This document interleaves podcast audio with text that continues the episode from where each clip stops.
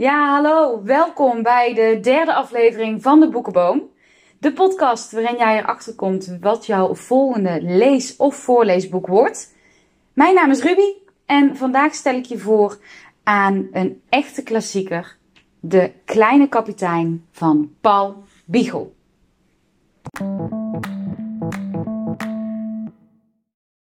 Ja, De Kleine Kapitein, een echte klassieker. De allereerste druk verscheen in 1970. En dat betekent dat hij vandaag zijn 50ste verjaardag viert. Een uh, gouden jubileum, dus des te reden te meer om dit boek even in het zonnetje te gaan zetten. Het boek is opnieuw uitgebracht en uitgeverij Godmer die omschrijft het boek heel mooi volgens mij met de volgende zinnen. De kleine kapitein bouwt helemaal zelf een boot. Van een badkuip, een kachel, een stoelpoot en een fietsketting. Hij doopt zijn schip de Nooitlek en begint samen met de drie verstekelingen, Dikke Druif, Marinka en Bange Toontje aan een lange, gevaarlijke reis. En volgens mij is het verhaal ontzettend avontuurlijk. Het is spannend, maar het is ook zo fantasierijk. Ik denk dat dit boek heel goed past bij kinderen uit groep 3, 4.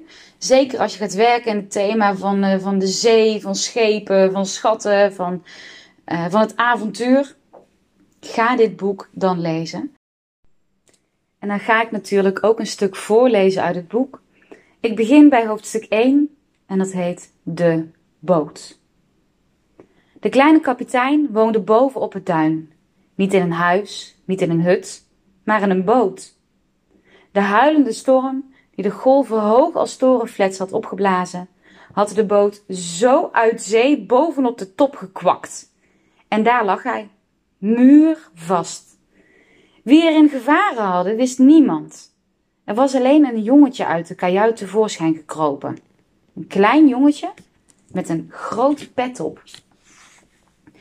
Wie ben jij? vroegen de mensen van de haven. De kapitein, antwoordde het jongetje. Zo, kleine kapitein, vroeg de grijze schipper van de haven. Waar kom je vandaan? Van mijn boot, antwoordde de kleine kapitein. En waar komt je boot vandaan? Maar de kleine kapitein haalde zijn schouders op en klom zijn kajuit weer binnen. Sindsdien woonde hij daar. Als de zon scheen, zat hij op het achterdek warm te bakken. Als de maan scheen, zat hij op het voordek en speelde op zijn koperen trompetje. Beneden in de haven hoorden ze het. Tetterete! Je wordt er zo meewarig van, zeiden de mensen. Maar de grijze schipper vond het mooi.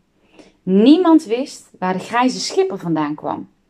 Want als je het hem vroeg, antwoordde hij alleen maar van een schipbreuk.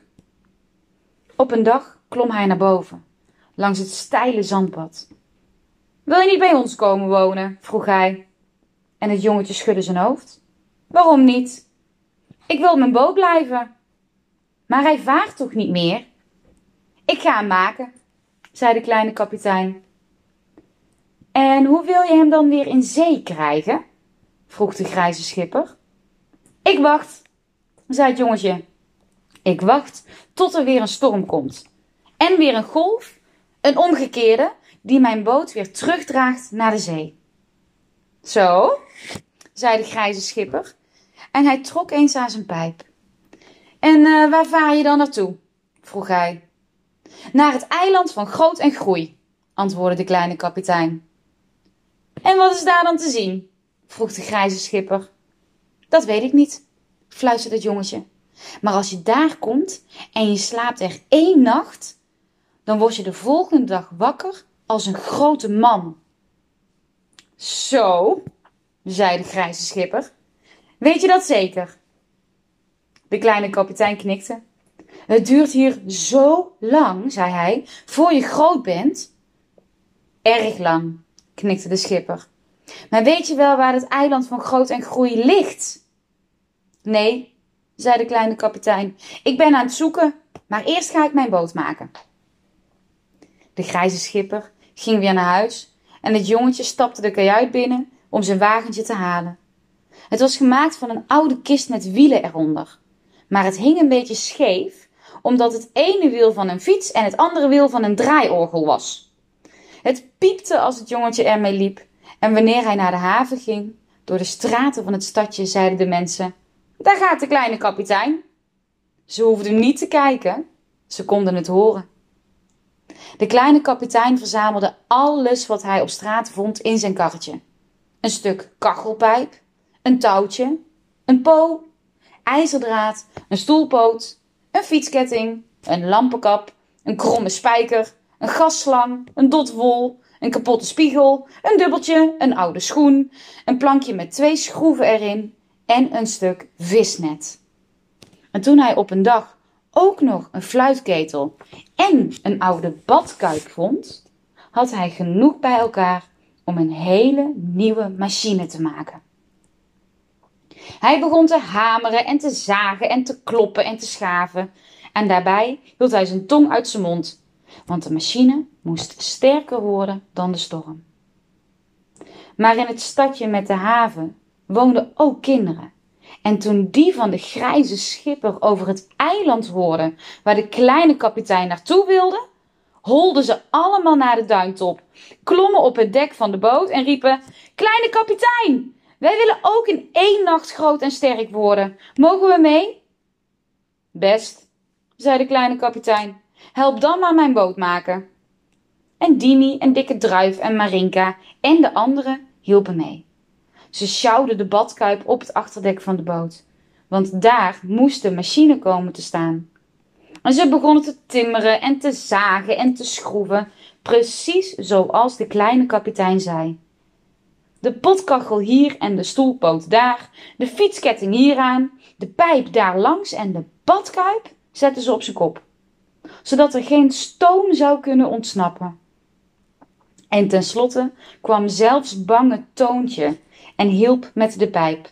Dat werden zes emmers op elkaar. Dank jullie wel, zei de kleine kapitein. Wanneer varen we weg? vroeg Dikke Druif. Als de hoge golf komt, antwoordde de kapitein. Maar eerst moeten we nog de schroef.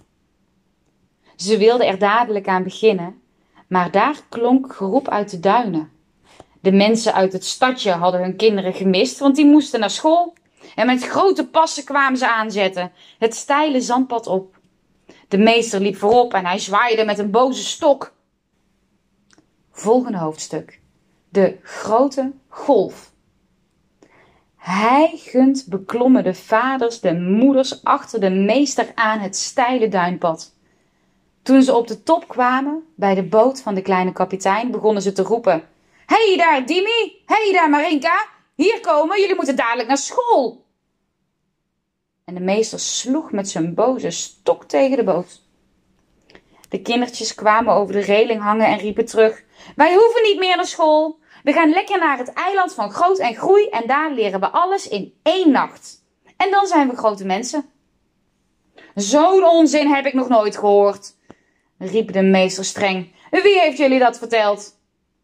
De kleine kapitein, zeiden de kinderen. Zo zo, riep de meester, en hij werd zo rood als een kreeft. En waar ligt dat eiland dan wel? Dat weten we niet, riepen de kinderen. We gaan het zoeken. Nou, dan zal ik je leren zoeken, schreeuwde de meester. En met één sprong was hij aan dek en joeg de kinderen met zijn stok van de boot af. Ik zal je leren waar het eiland van groot en groei ligt, riep hij. Naar school, mars! Het werd een droevige aftocht, maar bange Toontje was er niet bij. Die had zich bevend verstopt in het ruim. De kleine kapitein leunde over de reling en staarde de kinderen na. De kleine kapitein hoefde niet naar school. De meester en de vaders en moeders hadden niks over hem te vertellen. Niemand had iets over de kleine kapitein te vertellen. Hij nam zijn koperen trompet en ging het lied van de zee spelen. O zee, o zee, neem mijn bootje weer mee. Het ligt zo eenzaam hier op het droge, stuur toch een golf, maar alsjeblieft een hoge. Na dit lied dacht de kleine kapitein ineens aan de schroef die hij nog moest maken. Een schroef van brons. die sterker zou zijn dan de golven. Hij nam zijn karretje en zijn koperen trompet en liep naar het stadje beneden. Daar legde hij zijn pet op de grond, zette de trompet aan zijn mond en begon te spelen. De mensen kwamen kijken en ze bleven staan luisteren. Want de kleine kapitein speelde zo dat het door je oren recht naar je hart ging. Hij speelde geen hip en hij speelde geen beat. Hij speelde het lied van de eeuwige zee. Van de vrolijke meermin en de droevige meel.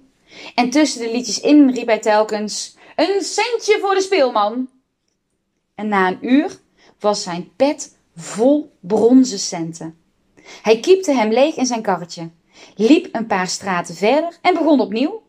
Net zo lang tot zijn kar vol centen was, met een kop erop. Hij liep er voorzichtig mee naar zijn boot. Na schooltijd kwamen de kinderen weer bij hem. De kleine kapitein zei: Ga hout zoeken, want we moeten die berg smelten op een heet vuur. Waarom? vroegen de kinderen. Om een schroef te maken, antwoordde de kleine kapitein. De jongens en meisjes hadden hout van het strand, haalden hout van het strand en de kleine kapitein deed de centen in zijn ijzeren stilpan. Het vuur laaide hoog op en maakte de pan gloeiend als de zon. Dikke Druif en de anderen dansten eromheen, maar de kleine kapitein groef in het zand. Hij maakte de vorm van een schroef die sterker zou zijn dan de golven en klopte het zand vast met zijn vlakke hand. Hoera! riepen de kinderen, want de centen waren gesmolten en het rood gloeiende brons borrelde. Het klonk als tetterete. En toen nam de kleine kapitein zeven pannenlappen, greep de stilpan, tilde hem van het vuur en goot hem leeg in de vorm in het zand. Het spetterde en sporrelde en vonkte en de kinderen weken achteruit. Maar bange Toontje zat nog steeds in het ruim en hij gluurde door het luik. Toen kwam de grijze schipper en hij spuugde op het brons om te horen of het siste. Nog zo heet als een strijkbout, zei hij, maar na een uur was het afgekoeld. Ze groeven de bronzen schroef uit het zand. De drie bladen schitterden in de zon en de, en de schipper klopte er tegen met zijn pijp.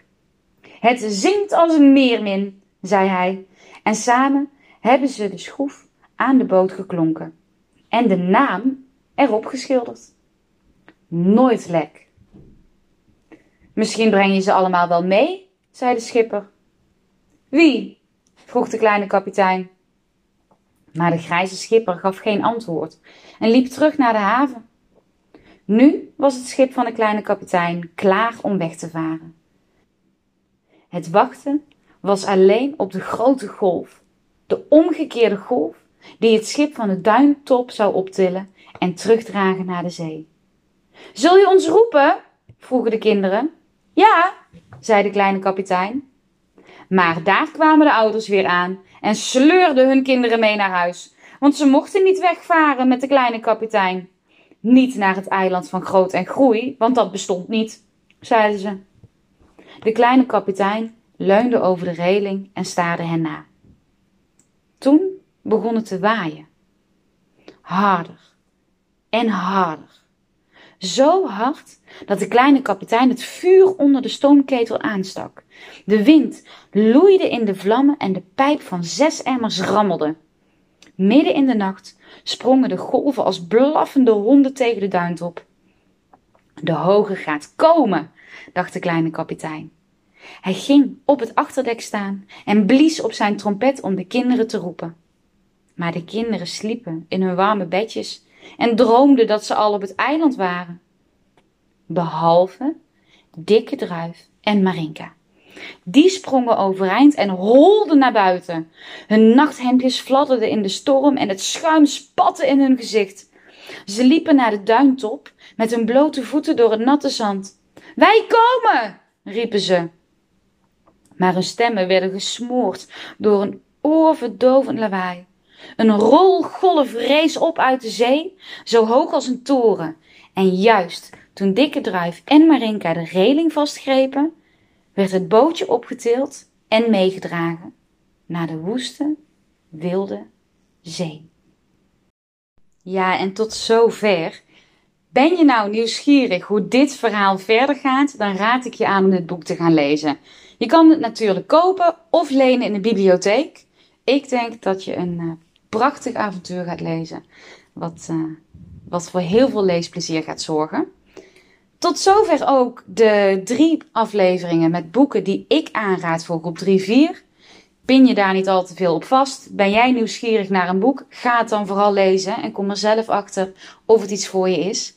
In de volgende drie afleveringen ga ik boeken aanraden waarvan ik denk dat ze leuk zijn voor groep 5, 6. Je kan de Boekenboom ook volgen op Instagram. Daar uh, kan je gewoon zoeken op de Boekenboom. En ik hoop dat je de volgende keer weer luistert. Doeg!